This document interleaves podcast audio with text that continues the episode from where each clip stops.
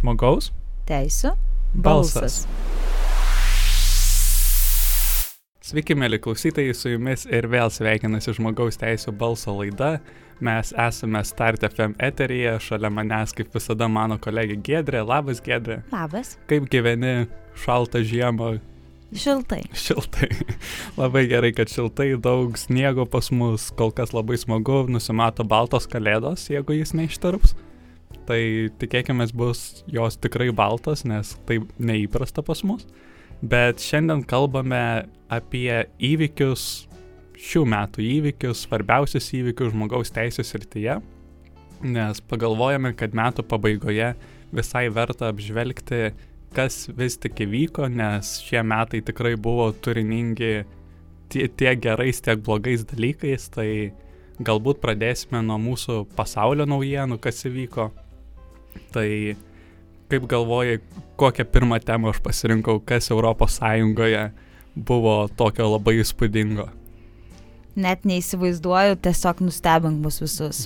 Nustebink. Ka, kasgi įdomiausia tau atrodo ir svarbiausia? Ne, nežinau, ar tai įdomiausia, bet tikriausiai kaip teisininkams mums gana įdomu, bet apskritai visuomeniai tai atrodo dažnai sudėtinga tema, tai asmens duomenų bendrasis apsaugos reglamentas, kuris įsigaliojo kaip tik 2018 metais ir suteikia tiek mums teisių labai daug naujų, tiek, na, priverčia įvairias organizacijas, institucijas saugoti žmonių asmens duomenis. Tai jeigu labai paprastai, kas tie asmens duomenys, tai bet, ko, bet kokie dalykai, kurie gali padėti identifikuoti asmenį, tai žinoma vardas, pavardė, asmens kodas, gali būti telefono numeris, L paštas ir panašiai.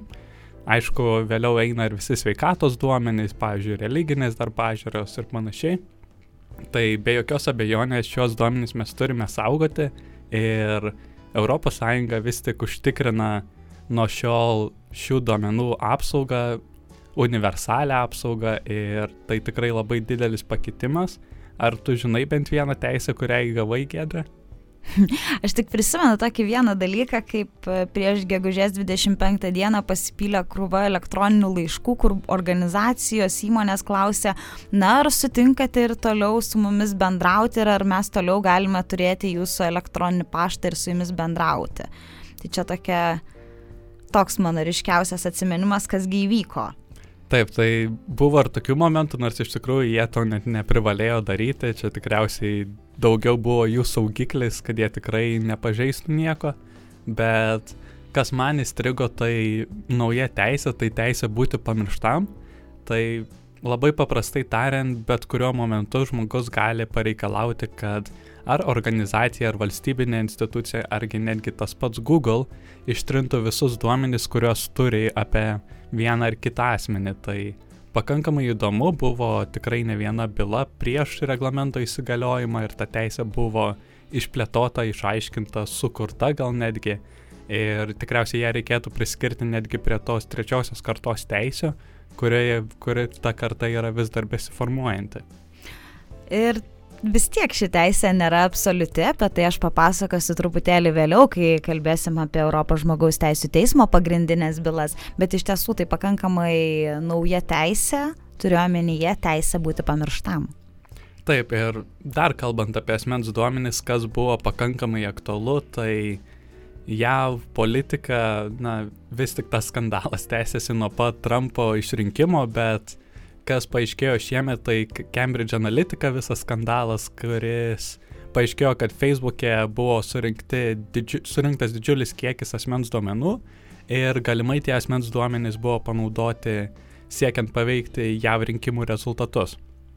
Tai tikėtina, kad dar atomas mūsų laukia šiek tiek ateityje, nors jau mačiau gruodį, mėnesį, gruodį šio mėnesio pradžioje kažkada jau buvo pirmi nuteisti žmonės tose JAV bylose susijusiuose su, rinkimais, tai 2019 metai JAV tikrai turėtų būti įspūdingi teisės prasme ir rinkimų teisės prasme. Taip, tai toliau galima judėti prie kitos temos, kas įvyko pasaulyje, kas svarbu pasaulyje. Tai LGBT tematika.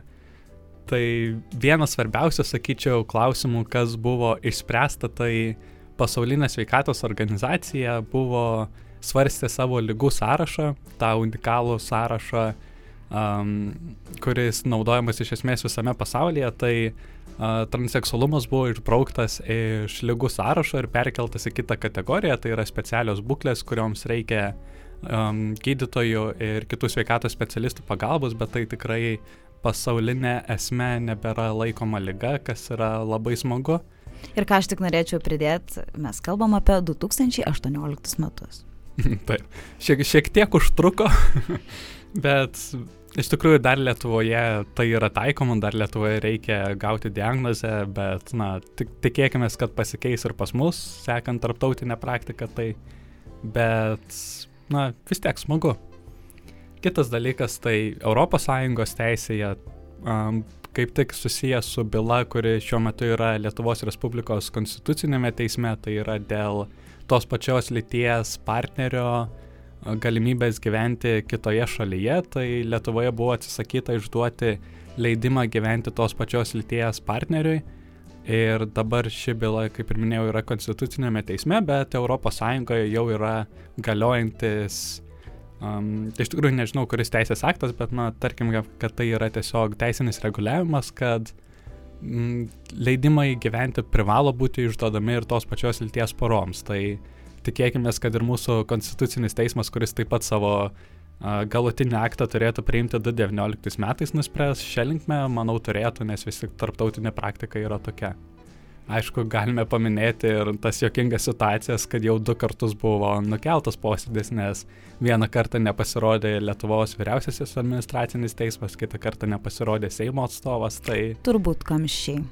Turbūt kamščiai labai liūdna iš tikrųjų, bet na, tikėkime, kad 2019 metais šalis nuspręs atvykti į Konstitucinį teismą ar pagaliau ši byla bus išspręsta. Tai kiti, kiti tokie gana svarbus reikalai, kad ne vienoje šalyje buvo dekriminalizuotas tiek, uh, tiek tos pačios, pačių, tos pačios lyties porų santykiai, kitose šalise buvo dekriminalizuoti įvaikinimai ir panašiai ir panašiai. Tai vėlgi čia aišku dažniausiai susijęs su Azijos, Afrikos, Latino Amerikos šalimis, kur tai dar buvo uh, nedekriminalizuota, bet na, sveikintinas tikrai žingsnis į priekį ir labai smagu, kad tai vyksta ir toliau. Ir kalbant apie tarptautinę bendruomenę, LGBT tarptautinę padėtį, tai nežinau ar girdėjai, bet pakankamai įdomi istorija, tai Rumunija turėjo referendumą dėl šeimos apibrėžimo konstitucijoje. Ir jeigu būtų tas referendumas įvykęs ir būtų priimta pataisa, tai šeimos apibrieštis būtų moteris ir vyras ir santoka Ir tas, ta, tas standartas, kuris iš esmės ir pas mus dabar konstitucijoje yra, bet kas pakankamai įdomu, kad referendumas neįvyko, ne, neatėjo į rinkimus, tai yra į referendumą pakankamai rinkėjų, balsuotojų ir, na, referendumas neįvyko ir kol kas aišku poslinkio didesnio nėra, ta prasme, kad nesiūloma nei partnerystė, nei, nei santoka, nei taip toliau bet bent jau neturim regreso atgal. Nors ganėtinai pats keistas jau faktas, kad vien toksai referendumas buvo, kad jau buvo net kilęs klausimas dėl to. Nu, bet ar tikrai keistas, pažiūrėk, kiek pas mus Seimas, galėsime apie tai galbūt, kai apie Lietuvą išnekėsim, nu, detaliau pašnekėti, kiek kartų jau šiemet bandė pakeisti konstituciją. Na, tai nepasakyčiau, kad tai labai stebina. Turbūt kiekvienas šalis turi savo įpročių. Taip, tai ir dar vienas LGBT klausimas, kuris man atrodė pakankamai įdomus, tai garsioji byla tikriausiai taip pat būsi girdėjusi, kur um, viena kepikla atsisek, atsisakė iškepti tos pačios lyties santokos progą tortą ir tai keliavo per visas JAV teismų instancijas ir galų gale aukščiausiasis JAV teismas pasakė, kad kepikla vis tik turi teisę atsisakyti kepti tortą, kas, na, absoliučiai pasirodė bent jau žmogaus teisų aktyvistams nepriimtinas sprendimas. Aišku, aktyvistai nieko dėl to negali padaryti. Juolab, kad dabar svarstama ir apie kitas JAV bylas, nes ten labai grėsmingai atrodo aukščiausiojo teismo sudėtis, kad vienas teisėjas dabar pasikeičia ir gali apversti būti visi sprendimai, ten abortų visas leidimas ir panašiai. Tai kaip... Ir... Maža riba. Maža, maža labai. Aišku, lyginti su mūsų konstituciniu teismu negalime, nes pas mus nėra viešas balsavimas, mes nežinom mūsų teisėjų pažiūrų, jie neturi teisės netgi kalbėti apie tai viešai. Na, visiškai skirtinga situacija yra JAV, kai labai aiškios yra teisėjų pažiūros ir žinoma, jeigu ateina respublikonai į, į valdžią, tai jie žinoma skiria savo teisėją, jeigu ateina į valdžią demokratai, jie skiria savo ir tas balansas yra labai delikatus, tai absoliučią daugumą dabar ilgus metus turėjo demokratai aukščiausiame teisme, bet dabar panašu, kad ją turės republikonai, respublikonai. Ir, na, įdomu, kas, kas mūsų laukia, kas laukia JAV žmogaus teisų aktyvistų ir įvairių socialinių grupių. Iš tiesų laviruojama ant, kaip jau ir sakiau, ant mažos planos ribos ir bet kada gali pasvirti į vieną arba į kitą pusę galbūt net sakyčiau dramatišką pusę, tačiau nereikia atmesti ir žmogaus teisų aktyvistų vaidmens, ar ne, nes Amerikoje jų balsas yra, manyčiau, pakankamai garsus. Taip, bet, na, visgi teisėjai yra nepriklausomi, tai tam, tam tikras spaudimas, žinoma, visada teisėjams yra iš žmogaus teisų aktyvisto. Klausimas, kiek, kiek realiai yra poveikis. Tai manau kažkiek tikrai yra, bet na, teks tikriausiai bent jau per 2019 metus, manau, ne viena byla išeis iš JAV aukščiausiojo teismo, į kurią bus įdomu pažiūrėti ir ją paskaityti. O žmogaus teisų aktyvistams reikės būti dar garsesniems. Taip, žinoma. Um, kalbant šiaip apie JAV dar, tai JAV migrantų krizė kai JAV prezidentas Trumpas priėmė atitinkamus teisės aktus, kur apribojo migrantų teisės, migrantų šeimos buvo atskirtos, tikriausiai tikrai girdėjai, kad migrantų vaikai buvo laikomi narvuose, čia visai neseniai netgi gruodį dar, mm, tai rodo, kad ta problema net nėra dar išspręsta iki galo. Ir aš dar kartelį norėčiau priminti, kad mes kalbam apie 2018-uosius. nu, tai, dėja. Um, tai kaip ir minėjau, migrantai narvuose visai neseniai, regis praeitą savaitę, netgi buvo paskelbta apie vienos mergaitės mirtį. Tai iš vis tragiška situacija, nes kiek skaičiau dabar iš Amnesty International atsiliepimų, tai migrantų vaikai negauna pakankamai maisto, krūtimi maitinančios mamos taip pat negauna pakankamai maisto, atitinkamai ir kūdikiai dėl to negauna uh, tinkamos mytybos ir dėja mažų mažiausiai yra pakenkiama jų sveikatai, galbūt ir gyvybei. Tai labai liūdna, ta, kiek žinau, kiek girdėjau taip pat iš nevyriausybinio organizacijų um, ataskaitų, tai dalis migrantų buvo gražinti pilnamečių į savo atvykimo šalis bet dėja vaikai kažkur pasimetė JAV sistemoje, kas yra absoliučiai neįtikėtina, ir jie liko JAV. Ir jie yra atskirti nuo šeimų ir gali būti, kad net niekada vienas kito nebepamatys. Kas yra, na, kartais ją pristatoma kaip absoliutus demokratijos sektinas pavyzdys. Ir, ir štai... žydinys net tarp tikras. Taip. taip, ir čia iš tiesų tas pagrindinis tarptautinės e, migrantų ir pabėgėlių teisės e, principas, jog svarbiausia išsaugoti šeimą ir neįskaidyti, neįskaidyti jos, yra kaip ir visiškai paminamas. Kai turiu omeny, kai sakai, jog šeimos liko iš, išdraskytos ir vaikai pasimetė ir pasimetė tikrąją to žodžio prasme. Taip, ir tai na, man skamba absoliučiai neįtikėtinai, kai šalis, kuri turi tokias gilias demokratijos tradicijas, tokias gilias žmogaus teisų tradicijas, štai gali paprastais pakankamai teisės aktais, na pripažinkime, prezidentas tikrai dažniausiai valstybėse neturi tiek daug galios, bet štai yra jo teisės aktai ir štai kas su jais nutinka. Tai yra labai labai liūdna.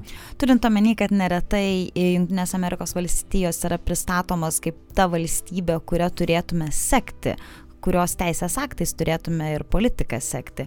Ir štai tas lyderis, tas pavyzdys priima, kaip aš sakiau, irgi ganėtinai radikalius, keistus ir prieštaraujančius tarptautinės teisės papračiams sprendimus.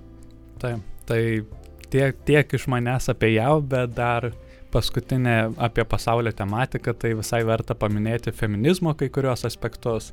Tai vienas dalykas - Airijos referendumas ir labai ilgas abortų draudimas buvo panaikintas, tai galiu tik pasidžiaugti ir pasveikinti Airiją su šitokia pergalė.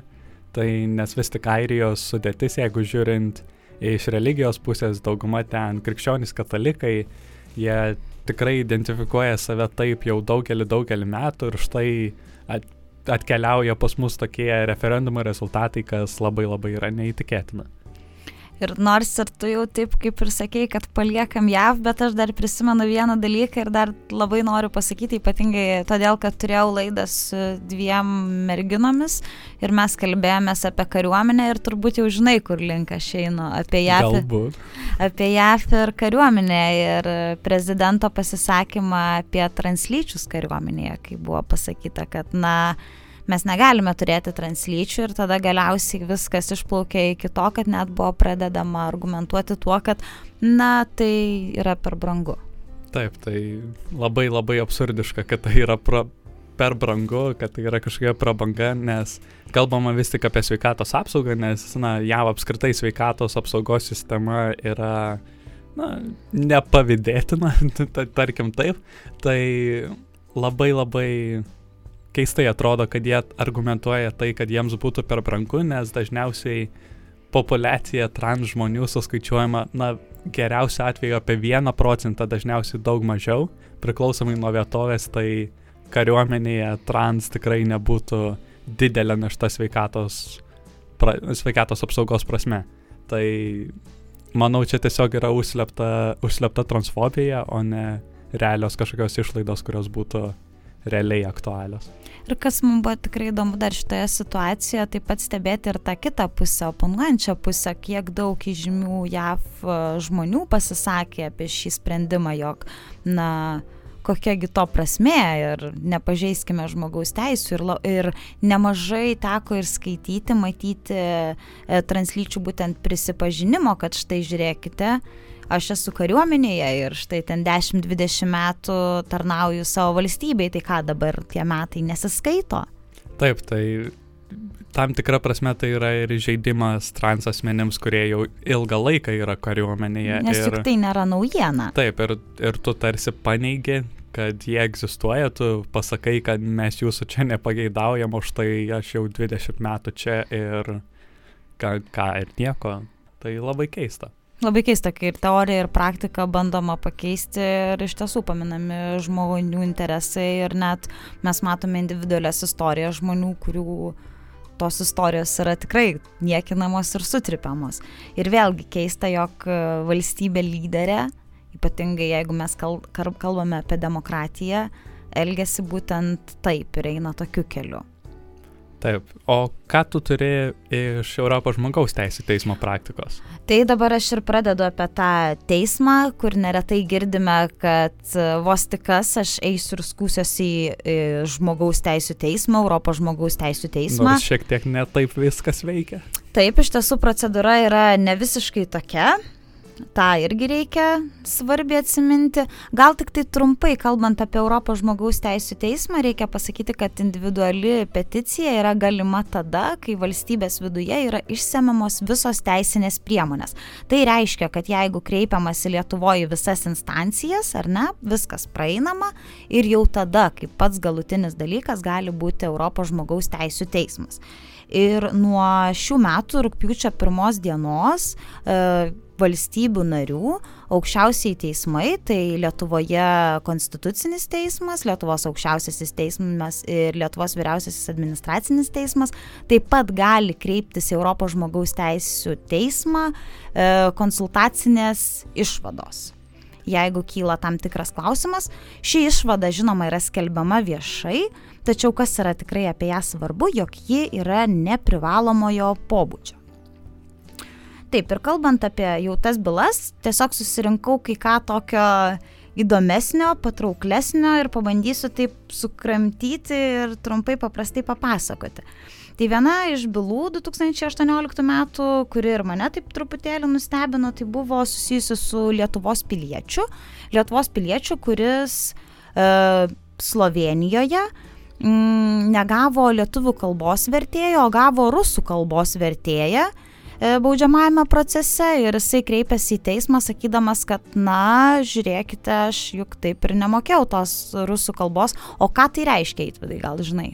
Tai reiškia, kad tiesiog nebuvo užtikrinto žmogaus teisės žinoti, kuo jis yra kaltinamas. Labai teisingai ir akivaizdu, kad e, teismo sprendimas, Europos žmogaus teisų teismo sprendimas buvo palankus būtent e, lietuviai. E, kita įdomesnė byla, dar tokia, jeigu mes kalbame apie internetą, informacinį raštingumą, tai buvo gal taip pat girdėjai tokią bylą apie e, nuorodas ištrinimą iš straipsnio. Ar teko girdėti? Ne, ne, negirdėjau, papasakok.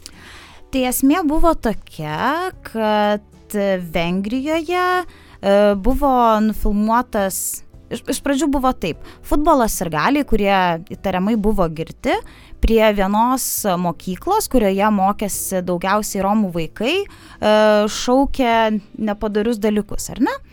E, vėliau atvyko policija ir kalbino vieną iš Romų e, bendruomenės atstovų ir jisai pasisakė, kad, na, čia turbūt yra Jobik nariai, kurie čia viską surežisavo ir viską padarė, o Jobik yra politinė partija.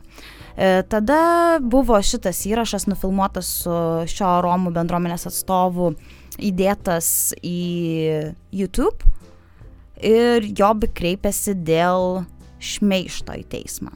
Ir koksgi buvo sprendimas, Vengrijos teismai nusprendė, kad vis dėlto ta nuoroda turi būti pašalinta ir šitas interviu jisai negali būti pridedamas prie straipsnio portale.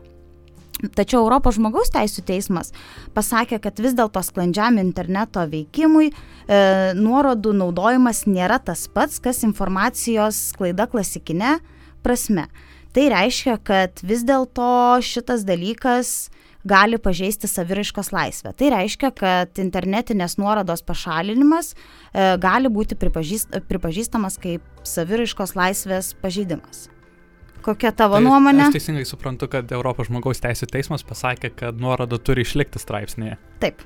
Mhm. Aišku, šita teisė nėra absoliuti ir tikrai ne visada, jeigu mes kalbame tikrai apie nepykantos e, kalbą ar apie atvirą kažkokį tai skatinimą nepykantos, žinoma, tada ne, bet šitų konkrečių atveju nebuvo išvelgta, kodėl nuoroda turėtų būti pašalinta.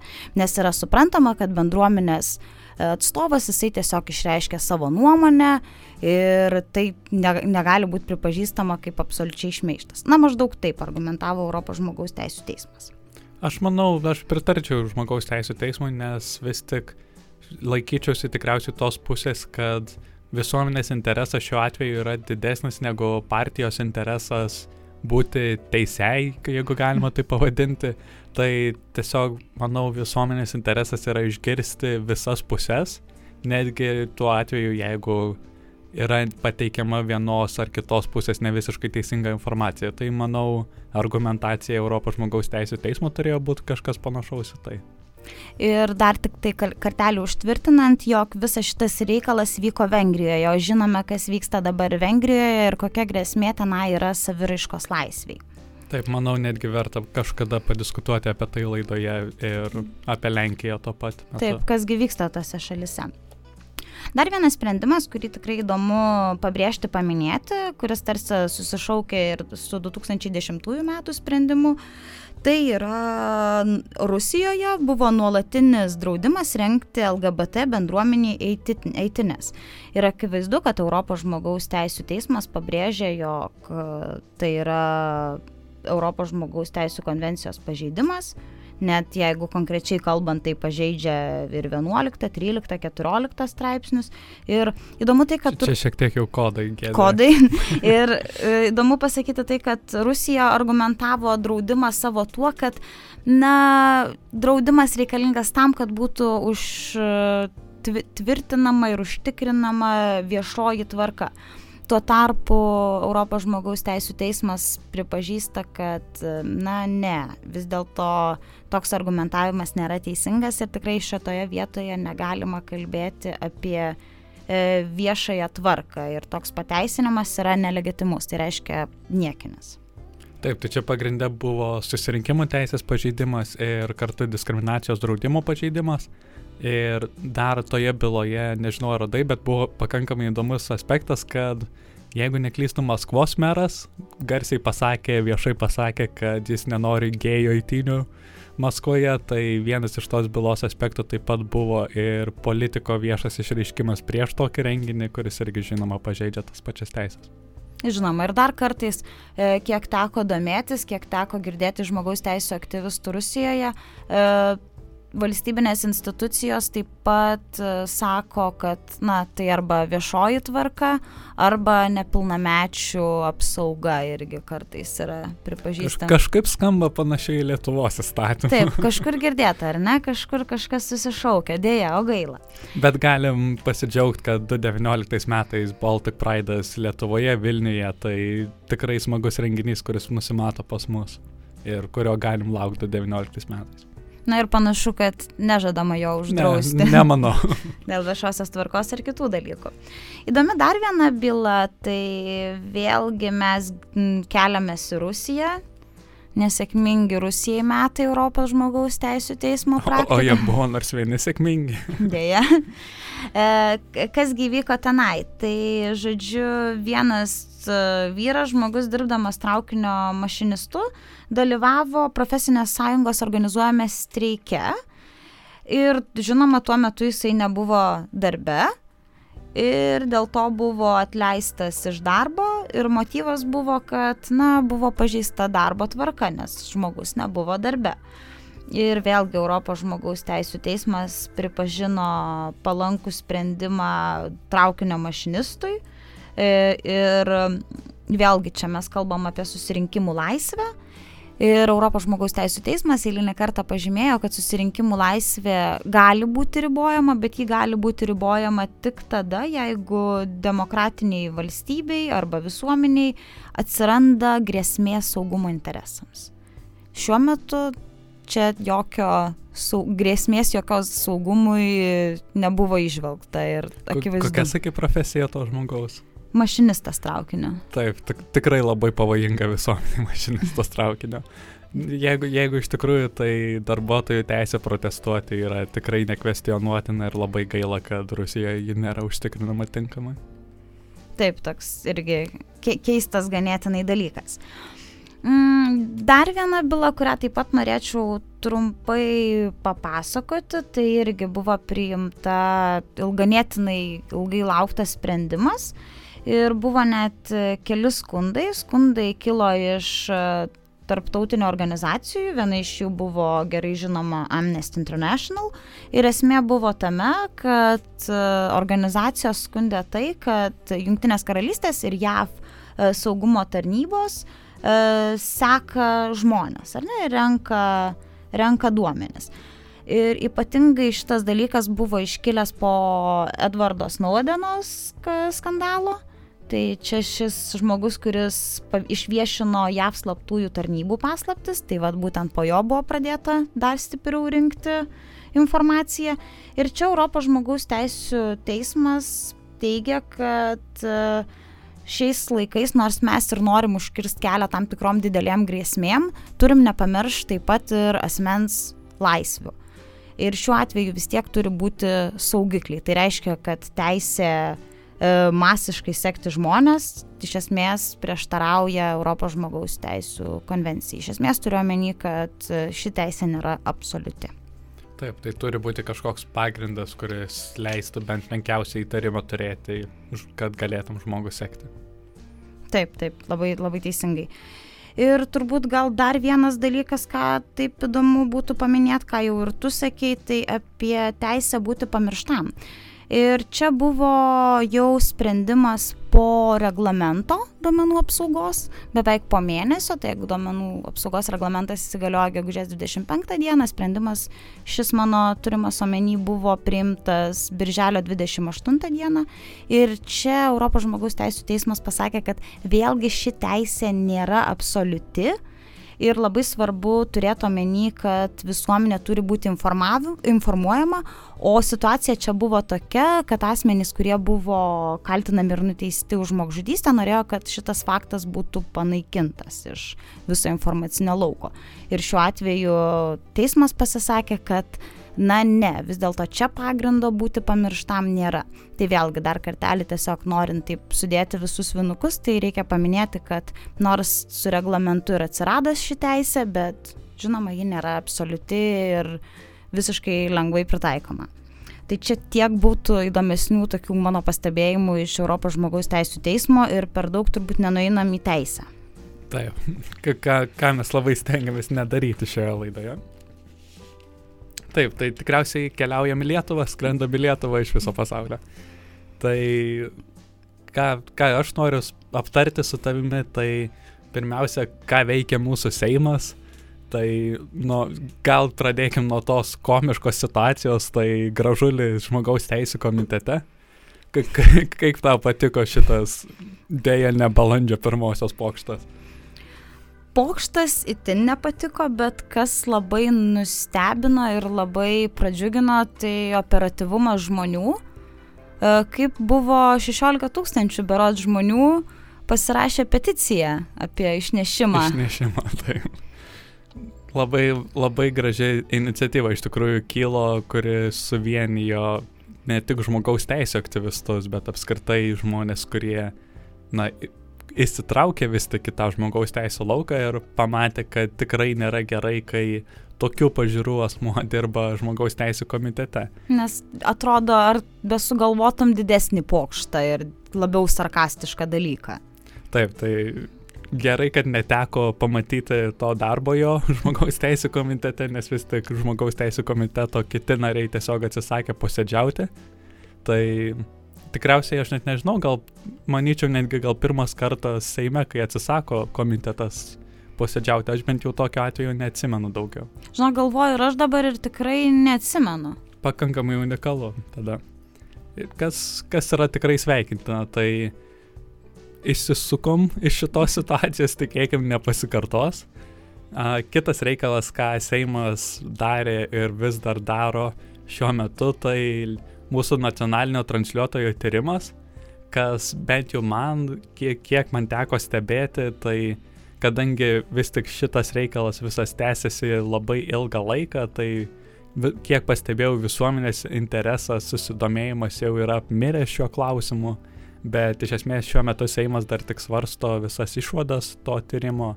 Tai man labai taip nejaukiai panašėja prie Lenkijos ir Vengrijos. Na, tikėkime, tikėkime, tai prie to nepriartės, bet, na, tikiuosi visuomenė vis tik atkreips dėmesį, kas dėsis su įstatymų pakeitimais po tyrimo išvadų ir panašiai. Iš tiesų tendencija liūdna ir pavojinga ypatingai labai gerai tu pastebi kai mes turim šalia lenkiją ir truputėlį toliau vengriją bet vis dėlto su mumis ar ne? Ir mes matom kur galima nueiti. Ir deja kur manau mes nenorime nueiti būtų labai blogai jeigu į tą pusę eitume tai tikėkime kad ne manau ir žmogaus teisų aktyvistai tikrai visi kovos ir pasisakys ir atkreips Seimo dėmesį, kad tai nėra gerai. Na ir kitas dalykas, kas iš esmės yra susijęs su LRT taip pat, tai siekis šio Seimo pakeisti Lietuvos Respublikos konstituciją na, ir konstitucinius įstatymus, tai man yra pakankamai neįtikėtinas, nes aš jau nebesuskaičiuoju, kiek jie konstitucijos pataisų užregistravę yra, nes vieną kartą tikrai bandė įvesti konstitucinį individualų skundą, kad žmogus galėtų kreiptis į konstitucinį teismą. Tada žinau, kad šiuo metu kaip tik dar du tokie pat maždaug projektai eina. Tada siekiama įtvirtinti nacionalinio transliuotojo politinę nepriklausomybę taip pat konstitucijoje, kas, na, iš esmės yra perteklinis reguliavimas. Na, ir daug visokių Seimo narių sumažinimas. Tai Iš tiesų turbūt daug. net nebuvo daugiau tokių laikų, kai tiek buvo nusitaikyta į konstituciją ir jos pakeitimą. Taip ir, na, kartais labai keistai atrodo tie pakeitimai, nes atrodo, kad štai kažkas kyla į visuomenę ir iš karto keičiam konstituciją, kas, na, vėlgi leidžiame šiek tiek į teisinius dalykus, bet konstitucijos stabilumas yra mūsų teisinės valstybės vertybė ir jos keisti jeigu tikrai, tikrai nereikia, na, vis tik nereikėtų. Taip, turbūt čia yra labai svarbus dalykas, kaip mes suprantame konstituciją. Kas tai yra? Ar tai yra tiesiog teisės aktas, kurį mes galime keisti bet kada savo patogumui, ar vis dėlto tai yra mūsų ta vertybių sistema, tas ant kamienas, ant kurio laikosi valstybė? Taip, tai galbūt Seimui kartais tenka priminti šį reikalą, mes irgi mhm. organizacijoje jį priim, primenam Seimui draugiškai Bet, na, tikėkime, žiūrėsim 2019 metai su visais konstitucijos pakeitimais dar ir balsavimais tikrai bus, tai kol kas laukiam rezultato. Na, kitas reikalas, tai kas, ka, su kuo noriu Seimą pasveikinti, tai pagaliau turim Seimo komiteto uh, gyvus įrašus, tai live streamus tos vadinamus YouTube kanale pas juos. Tai valio, nes šiaip nebuvo įmanoma sužinoti, jeigu tu realiai nedalyvauji komitete, kas realiai ten vyksta. Netgi pasitaikydavo atveju, kai Seimo kanceliarija atsisakydavo atiduoti garso įrašų žurnalistams ir panašiai, tai tas skaidrumas tikrai labai sveikintinas. Taip, ir kuo turbūt skaidresnė valdžia, tuo galima sakyti, kad ir e, samoningumas galbūt kyla. Taip, na, žinoma, visa visuomenė jokių būdų nestebės tų komiteto posėdžių, jų yra daug per vieną Nes dieną. Žmonės turi darbus. Taip, tu, turi darbus, bet esmė yra tame, kad ta medžiaga turi būti visada prieinama ir tiek žurnalistams, tiek apskritai visai visuomeniai ir jeigu iškyla reikalas, na, pažiūrėti, kas vis tik buvo pasakyta per tą posėdį, kad tą informaciją būtų įmanoma rasti. Tai panašu, kad nuo šiol šią informaciją tikrai turėsim. Na ir kitas dalykas, tai Seimas bandė šiemet uždrausti abortus pas mus, ar bent jau juos labai apriboti. Tai, na, paminėjom Airijos gerąjį pavyzdį, pas mus nelabai geras jis buvo, bet, na, kol kas Seimas panašu, bent jau dabar negirdėjau tokios idėjos, tai panašu, kad jos atsisakė. Na, tikėkime, jis nesugrįž, bet tikriausiai abu žinom, kad sugrįž. Kažkada vis tiek sugrįž eilinį kartą, nes tai vis tik yra jautrus klausimas, bet, na, tikėkime, negreitai. Taip, ir toliau judam iš Seimo rūmų į, į platų į Lietuvos pasaulį. Tai LGBT klausimai mano mėgstamiausi, pradėkim nuo gražių dalykų. Ir baigime blogais. ir baigime blogais. Šiaip labai gražu, kad LGL Lietuvoje atidarė pirmąją vaivorykštės perėją. Aišku, ji dabar yra apsnikta ir jos ne, nebelabai matosi, bet manau, Baltic Pride metu ji bus tikrai atnaujinta ir labai gražu. Na, o liūdnesnis dalykas, kaip manai kas? Čia turbūt na, sakykime, ne visų piliečių ir valstybės gyventojų susivaldymas pamačius atitinkamas vėliavas, turbūt tai turiu omenyje. tai tu degančios durys ir panašiai, kas, na, švelniai tariant, nėra smagu. Tai tiek LGL duris degė, tiek atskirų žmogaus teisų aktyvistų duris. Ir, na, bet iš to vis tik kilo graži akcija, graži komunikacija, tai žmonės kabinosi vaivorykštės vėliavą savo balkonuose, kas tikrai buvo gražu, dabar jau tikriausiai. Solidarumas. Dabar jau tikriausiai šitas praėjo, kaip ir nieko nebegirdžiu, pas kažką tikrai dar esu matęs, kad kabo, galbūt ir kabės ilgai dar ten, tai labai gražiai susivienijo, aišku, galima aptarti dar ir pa, tos pačius įvykius, tai smurtiniai išpoliai prieš LGBT atstovus, turėjom dėja vėlgi ne vieną smurtinį išpolį 18 metais ir dėja, ką kalbėjom su Marku mūsų laidoje apie neapykantos nusikaltimus, visgi policija pas mus dar nemoka reaguoti į neapykantos nusikaltimus, kažkodėl jie pradžioje sugalvoja juos traktuoti kaip viešosios tvarkos pažeidimus ir tik tada, kai visuomenė sukyla, jie tada įjungia savo saugiklius ir, ai tai nu jo, čia gal, čia gal vis tik neapykantos nusikaltimas, tai liūdnoka. Taip, visi tavo šitie paminėti pavyzdžiai tarsi parodė, kad kaip mes dar žiūrime į neapykantos nusikaltimus ir labai svarbus, liūdnas momentas yra tas, kad ne visada mes suprantame, kas yra neapykantos nusikaltimas, koks yra jo pavojingumas ir kokia yra jo kilmė.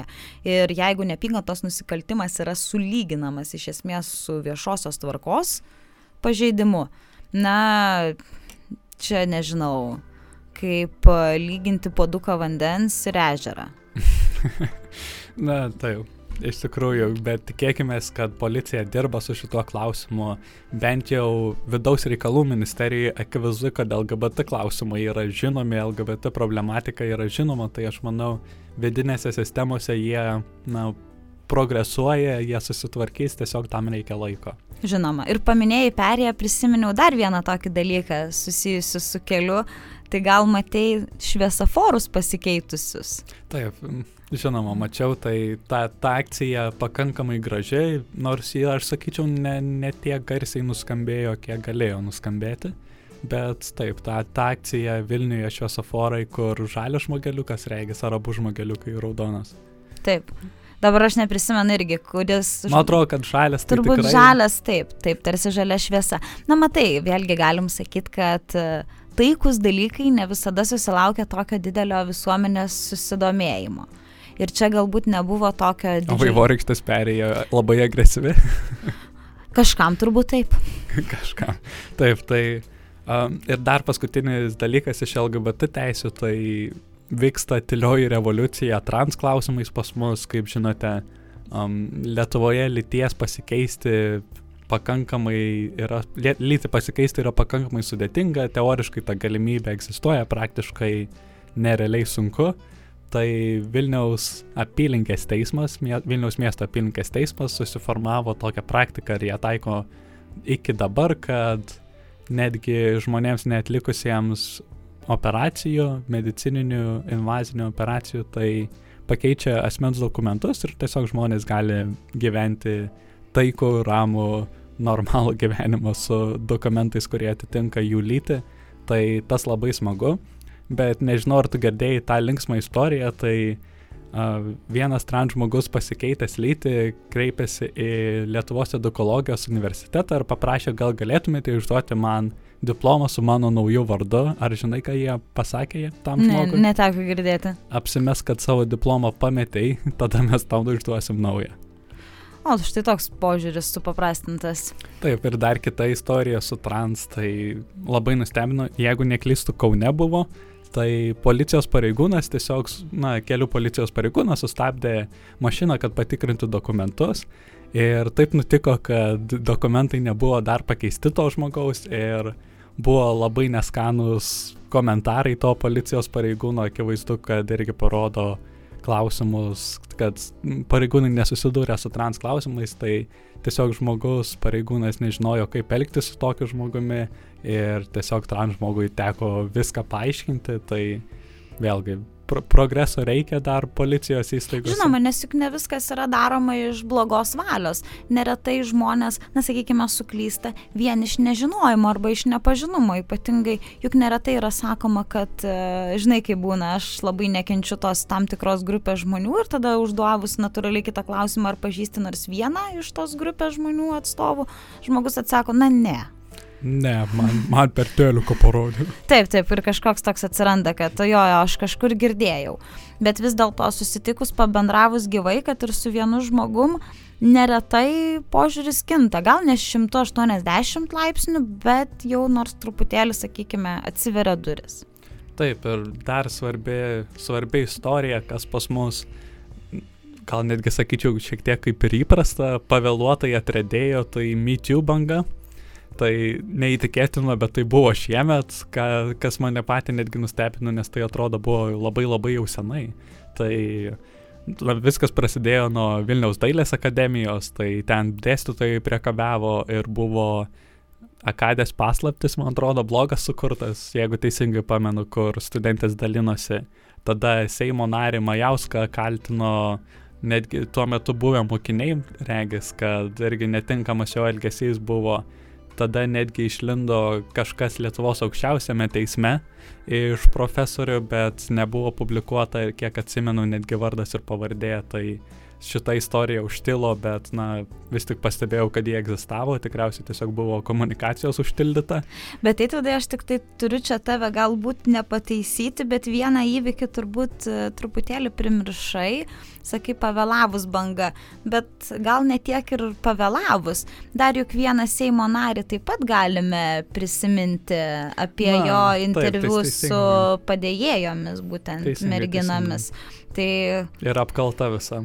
Taip, taip, taip, tai vat vienas iš, iš tokių pavyzdžių irgi ganėtinai nemon, nemon, nemalonus dalykas, bet visi šitie tavo paminėti atvejai iškėlė tokį klausimą, kuris turbūt ir pasaulyje neretai yra klausimas, kai pati auka yra kalta, ar ne? Ir buvo taip. visuomenės tikrai nemaža dalis žmonių sakė, kad, na, mergina pati kalta tam tikru atveju. Taip, ir tai yra lab, labai. Ji žinojo liūdna. arba ji galėjo žinoti, kaip ji čia nesuprato, kad e, štai vyras gali tai pasielgti. Taip, gali... nes ateinant į darbo pokalbį, tu tikrai tikiesi, kad tave nusives pamokyt montuoti. Na tai yra Labai nepriimtina. Taip ir atveria tokią tam tikrą stig stigmą. Ir kokį dar dalyką mums atskleidė ir ganėtinai liūdną dalyką, kad nėra pagalbos aukštosiuose mokyklose, nes Vilniaus dailės akademijoje tas iškilo, Lietuvos muzikos ir teatro akademijoje ir kitose universitetuose aukštosiuose mokyklose. Ir kaip tik mačiau, turbūt, vat, tik, tik, tik neseniai lygių galimybių kontrolieriaus tarnyba pasirašė tokį kaip ir bendradarbiavimo dalyką su aukštosiamis mokyklomis. Tai nors ir atrodo, kad visa tai buvo seniai, bet priemonių imamasi tik dabar. Aišku, čia galima sakyti geriau. Vėliau, geriau, vėliau negu niekada, niekada bet, bet būtų tikrai geriau, jeigu reaguotumėm kaip galima greičiau, o sureaguoti tikrai buvo laiko. Taip, taip, galbūt na, šitas laiko tarpas jau yra pakankamai ilgas. Turint omenyje, kad mm, ir man teko bendrauti su studentų organizacijom, su universiteto atstovais, studentais turiu omeny, kurie sakė, na, reikia kažką daryti. ta, ta, ta tokia įdomioji frazė ir domėjosi, kaip galima suteikti tą pagalbą, kur galima kreiptis. Nes ir tam tikros apklausos parodė, kad studentai paprasčiausiai jie net nežino, kur kreiptis, o jeigu žino, na tai nepatogu kreiptis. Nes vis dėlto dėl šito dalyko, dėl priekabiavimo, dėl žaginimo dar pakankamai visuomenė yra susiskaldžiusi ir aukoms pakankamai sunku kreiptis dėl tokių priežasčių, kaip pavyzdžiui, na, mane pasmerks visuomenė. Taip, tikrai pritariu tau. Kitas, kiti du aspektai, kuriuos labai tik trumpai užsiminsiu ir judėsim prie kitos temos, tai vienas dalykas iš darbo buvo išmestas, taip vaizdžiai pasakius, akademinės etikos kontrolierius, kuris savo antisemitistiniais pasisakymais tikrai pasielgė įdomiai, diplomatiškai kalbant, bet kaip tik Seimas dabar svarsto naują kandidatūrą, tai tikėkime, kad naujoji kandidatė bus na, polikorektiškesnė. Taip, ir antisemitiniai pasisakymai. Ir vis dėlto aš vėl turiu priminti 2018 metai. Taip.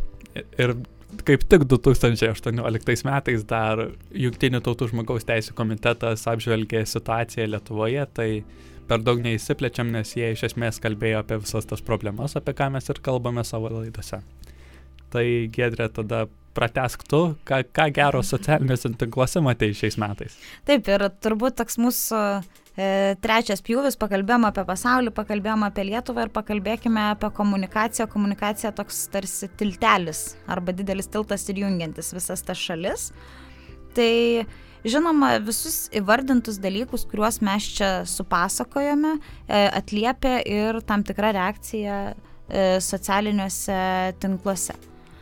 Tai dalykas, koks buvo įdomus, e, kad pavyzdžiui mūsų minėta dalyka kaip MeToo, taip mhm. pat jį atliepia tas būtent hashtagas ir MeToo dalykas toks įdomus dalykas. Tai gal apie socialinius tinklus irgi vėlgi taip plačiai nesiplečiant, įdomus dalykas vad būtent šitas paminėjimas, kad e, vis dėlto socialiniai tinklai tampa platforma, kuri gali dar stipriau sujungti žmonės, kuri gali dar labiau transliuoti žinutę ir labai svarbu, jog tai yra globalus dalykas, kurį galime pastebėti. Tai turbūt mitų dalykas buvo man toks labiausiai įstrigęs, kurį dabar atsimenu, prisimenu geriausiai. Nors aišku, galima paminėti, kad kaip visada uh, Mano absoliučiai favoritai yra Amnesty International, kurie vykdo komunikacijos kampaniją, žmogaus teisų komunikacijos kampanijas, tai irgi pasakus juos galima pamatyti labai įdomių dalykų. Jie visą laiką labai įdomiai, bent jau man patraukliai kalba su foto turiniu, tai visai, ką būna labai tokios nuotraukos, kurias pamatai ir jos šokiruoja, bet žmogaus teisų komunikacijos kampanija tą iš esmės ir turi daryti. Ir ji turi nepatikti. Ir Lietuvoje turėjom vieną komunikacijos kampaniją, gal tu atvidai gali taip trumpai. Kurią turėjom minėję? E, ta, kur palaikymo dalykas buvo, e, palaikyk vadinosi jie. Ar ne, man atrodo, kur ir lygių galimybių kontrolierė turėjo Seime aiškintis. Ai, žinoma. Taip, tai buvo mūsų kampanija tokia prieš smurtą artimoje aplinkoje, tai... Kas yra tikrai Lietuvoje opus liūdnas dalykas? Labai labai. Tai buvo socialinė reklama, pagrindė transliuojama per nacionalinį transliuotoją, ypač prieš panoramą, kurią žiūri, žinoma, visi Seimo nariai. tai tai a, toje reklamoje kaip tik buvo vaizduojami įvairių profesijų atstovai, tai teisėjas, kunigas, kiek atsimenu, šiaip moters draugė tiesiog buvo kaip personažas ir jos visos kaltino moterį, kad ji yra būtent kalta dėl to, kad ji patyrė smurtą ir žinoma Seimas sunerimo dėl šios programos, nes pagalvojo, kad yra vaizduojamos valstybinės institucijos, kad yra vaizduojama bažnyčia neigiamai. Tai netgi buvo lygių galimybių kontrolierė, kaip tu minėjai, iškviesta į Seimą dėl to pasiaiškinti taip keista buvo ir argumentacija, kad, na, gal galėjot kaip nors švelniau čia viską parodyti, nors aš kaip ir sakiau, komunikacijos kampanija, žmogaus teisų komunikacijos kampanija, kuri komunikuoja žinutę apie problemą, na, ji neturi būti švelni, būtų labai keista, jeigu mes kalbėtumėm apie didžiulės problemas taip švelniai, ji turi šokiruoti, kaip aš ir minėjau. Ir turbūt taip toliau truputėlį pasiridenus apie socialinę mediją, kas yra Kas yra įdomesnis dalykas, e, ką galime pasakyti, kad yra daug žmogaus teisų aktyvistų, kurie yra itin aktyvus Instagram platformoje, Facebook'e, e, visame pasaulyje, turbūt išskyrus Lietuvoje, Twitteryje. Taip, Twitteris pas mums labai nepopuliarus. Visiškai neprigintis dalykas. Ir yra tikrai nemažai žmogaus teisų aktyvistų, kuriuos įdomu sekti kurie turi tą įdomesnį požiūrį į žmogaus teisės. Jau vien galime paminėti, yra tokia platforma ir paskira sukurta Instagrame, tai Activist e, New York City. Ganėtinai įdomi, kur po prezidento Trumpo išrinkimo yra komunikuojama itin daug prieš jį. Tai toks įdomesnis dalykas ir ypatingai prieš jo pasisakymų žmogaus teisų tema. Ir yra nemažai žmonių, kaip pavyzdžiui, kurdų žurnalistai, ar vienas Etijopijos garsus rašytojas Befehadu Hailu, tai aš labai tikiuosi, kad aš teisingai ištariu jo pavardę. Tai irgi žmogus, kuris visam pasauliu ištransliuoja, kasgi vyksta apie jo Etijopijoje, apie žmogaus teisų sferoje. Tai vėlgi toks, kaip aš sakiau, tiltas įdomus. Bet aš asmeniškai norėčiau atkreipti dėmesį, ką galėtumėte pasiekti. Tai du žmonės, dvi merginos, ir abi yra itin jaunas ir abi yra Nobelio taikos premijos laureatės.